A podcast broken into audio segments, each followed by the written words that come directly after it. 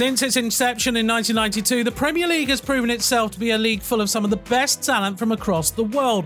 But as the seasons have gone by, the English top flight has seen fewer and fewer minutes played by English players.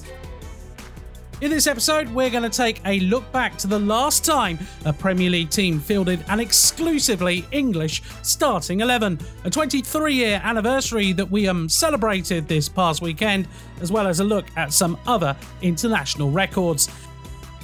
At the end of this episode, I'll be back to give you more insight into where you can read and hear more great data driven storytelling like this. But first, here's the last full English written by Matt Furness.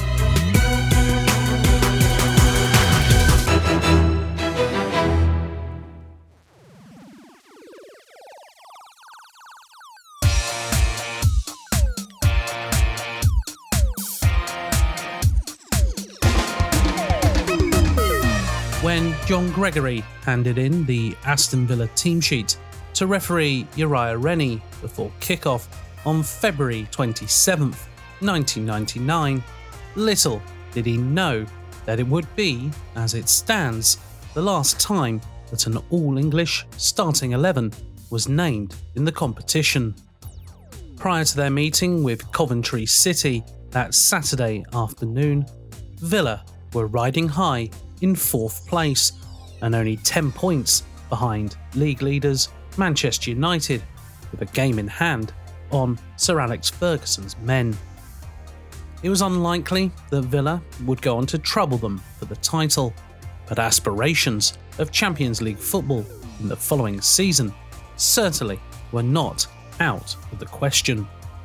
Their form coming into this game wasn't great, with just one point from four games before the visit of Coventry to Villa Park. It was the second successive Premier League match that this starting 11 played, and also the only time that they'd all start together. That previous game was six days prior, when a battling, goalless draw at Wimbledon ended their three game losing streak. However, the lineup of Michael Oakes, Alan Wright, Gareth Southgate, Riccardo Scimeca, Steve Watson, Lee Hendrie, Simon Grayson, Ian Taylor, Paul Merson, Julian Joachim, and Dion Dublin would collapse to a 4 1 defeat as a John Aloisi inspired Coventry outfit ran out heavy victors. Huckerby. That's been some tussle all afternoon, and this time the decision goes in the favour of the Coventry player. And that's 3 1. Aloisi again stole away from his marker. And it was a very nice finish indeed. Froggatt again involved. And Southgate it was who just slipped, and Aloisi was in. And it didn't get much better from a game that John Gregory described as the worst performance I've seen in my life as a player and a manager. The defeat was followed by just three wins in 11 games across the remainder of the 1998 1999 campaign, and Villa only finished sixth at the end of the season. It was actually already a pretty rare occurrence for an all English starting 11 to be named in the Premier League. There have only been 52 of them named in the history of the Premier League, and 19 of those came for Gregory's Aston Villa side between October 1998 and February 1999, but Villa's 4 1 defeat would be the last.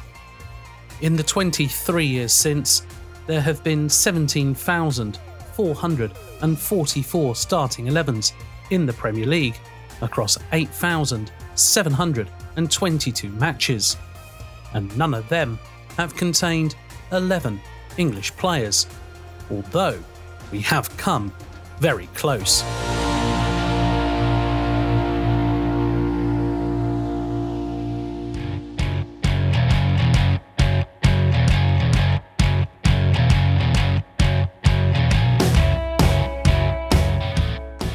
Now it's time to address the elephant in the podcast because Middlesbrough supporters are still adamant that their club achieved this on the final day of the 2005 2006 season at Fulham.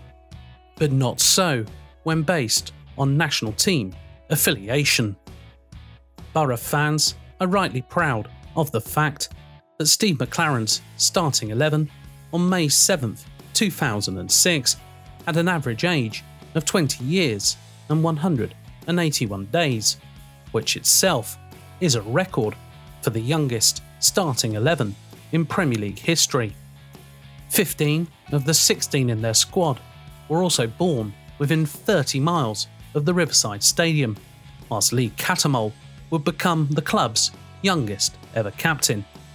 Unfortunately, two years after this game took place, James Morrison was capped by Scotland, as despite being born in Darlington, he would be able to qualify for the Tartan Army, courtesy of his grandparents. And when he made his debut against the Czech Republic, it meant that their total of 11 English players was downgraded to 10, and the joint record voided for statistical purposes. Oh, and for the game itself, Borough lost 1 0 to Fulham, and undoubtedly it is a day to remember for the youth breakthrough in Middlesbrough, just not for playing 11 English players in their starting 11.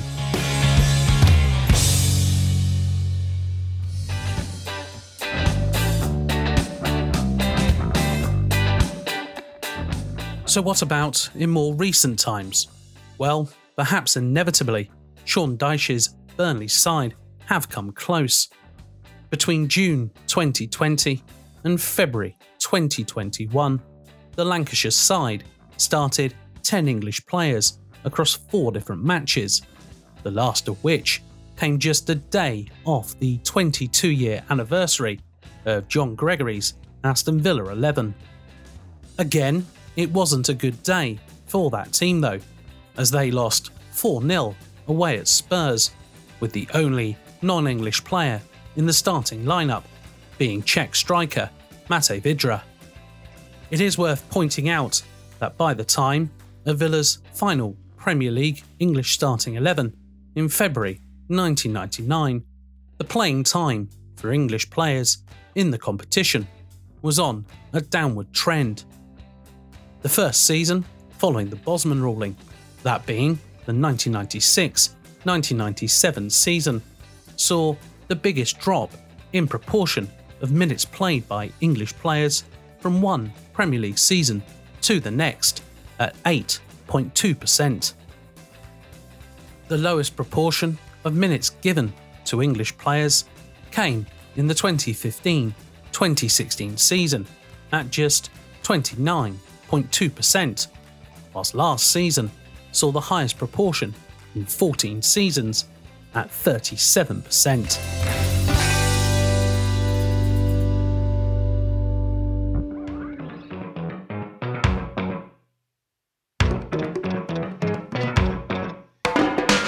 And just 10 months after Villa's fully English starting 11 in the Premier League, Gianluca Vialli named the first ever starting lineup not to contain a single British player.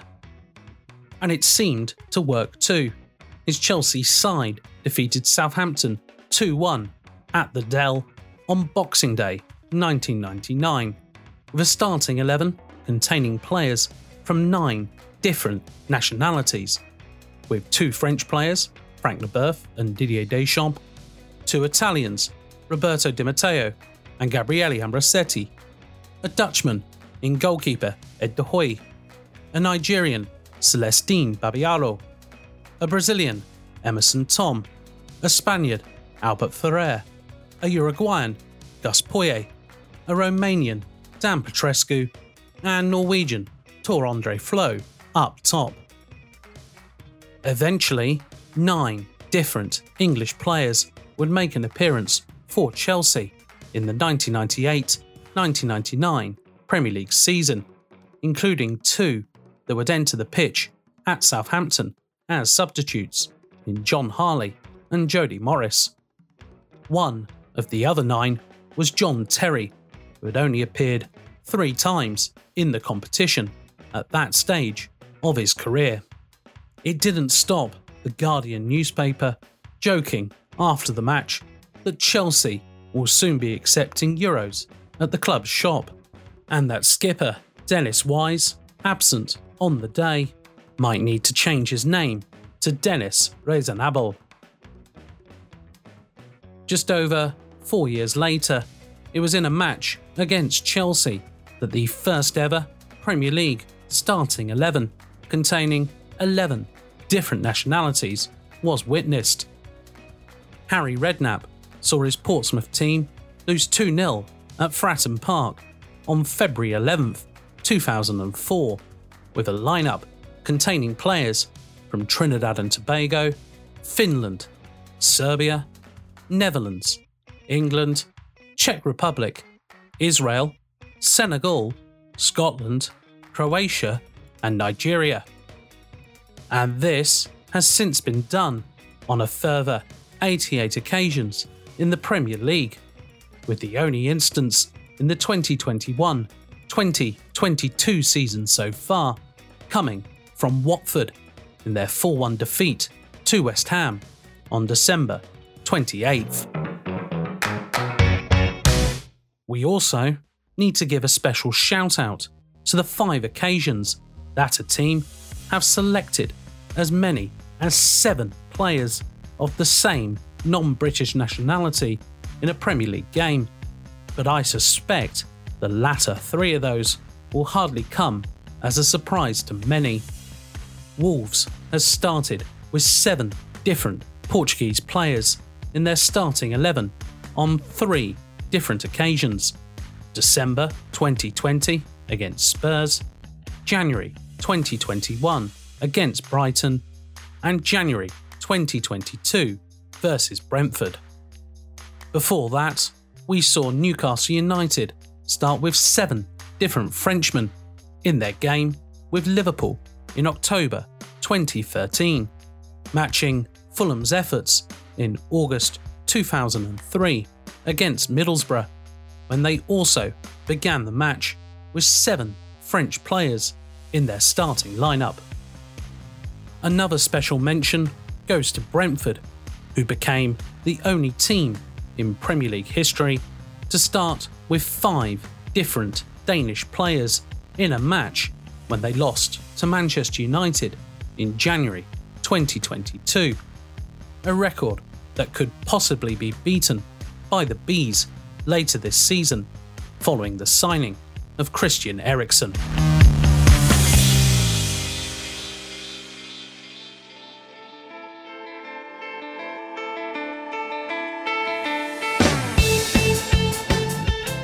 So, what about the continent? How does the Premier League's 23 year record compare? Well, in La Liga, it's a mute point. Athletic Club start with 11 Spanish players every match due to their cantera policy of bringing young Basque players through the ranks, as well as only recruiting players who were born within the Basque region. The last team in Liga to make a full starting 11 of French players were Nice on February 14, 2004. In that match, opponent Nantes shown no love on Valentine's Day, beating their opponents 3 1. In January 2019, SC Freiburg started 11 German players in their Bundesliga match against Hoffenheim, but they suffered a 4 2 defeat at home. And five months later, Frosinone became the most recent team in Serie A to start with 11 Italian players in their nil-nil draw at home against Chievo. They would start six Serie A matches with 11 Italian players between April and May 2019 in the end, but it didn't work out too well as they were relegated to Serie B.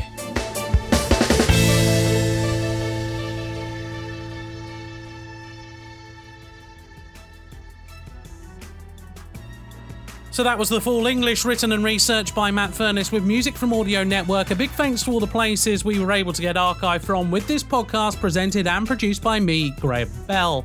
This has been a production for The Analyst, the home of data driven storytelling, which features great in depth articles and blogs from across the sporting world, as well as specialised data visualizations, season long interactive metrics, and as some of those tricky quizzes to show off your sporting knowledge to your friends and family. All of this is on theanalyst.com right now, and why not head over to our Twitter and Instagram accounts as well? You'll find us on both of them as at Opta Analyst. In the meantime, though, you can continue to get lost in the reads from the analyst by subscribing on your preferred podcast application like Spotify, Apple Podcasts, Google Podcasts, Stitcher, and many others, where we would also love for you to rate and review the show too. Last time out, we took a look at the youngest players in the history of the Premier League, completing our little mini series as we also looked at the youngest managers as well as the oldest players and oldest managers too. And all of those episodes are available for you to listen to right now. Also, don't forget to check out Stats Out of Context, a new podcast from the Analyst team, which is available in your Reads from the Analyst podcast feed right now. Join Duncan Alexander and I as we dive into the stats that go into the sport that we love. Episode 1 took a look at the history of assists in the Premier League, while episode 2 focused on woodwork, and we'll have a little preview from that show for you in a bit. But for now, it's thanks for listening and so long from everyone at the Reads from the Analyst.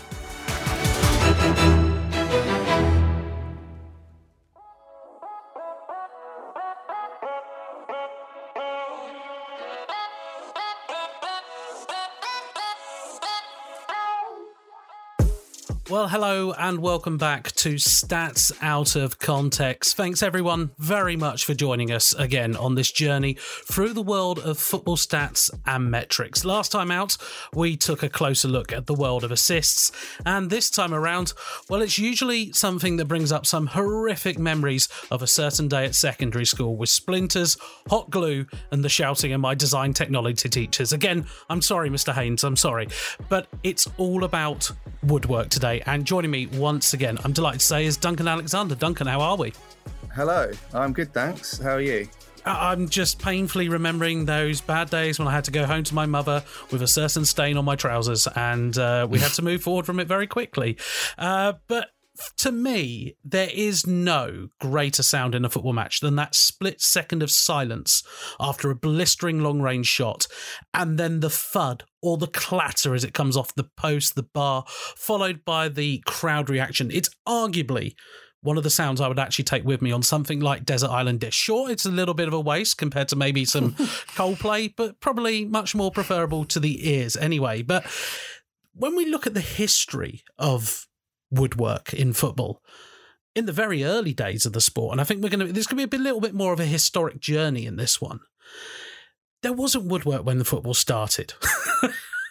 no, maybe some wooden legs in medieval football. I mean, this is one of the fascinating things about football, in a sense, is that you get a lot of traditionalists now who are like, well, football didn't start in 1992, it started in 1888, but it didn't start in 1888. It had been going for for hundreds of years. You know, Edward III banned football because people weren't practicing their archery.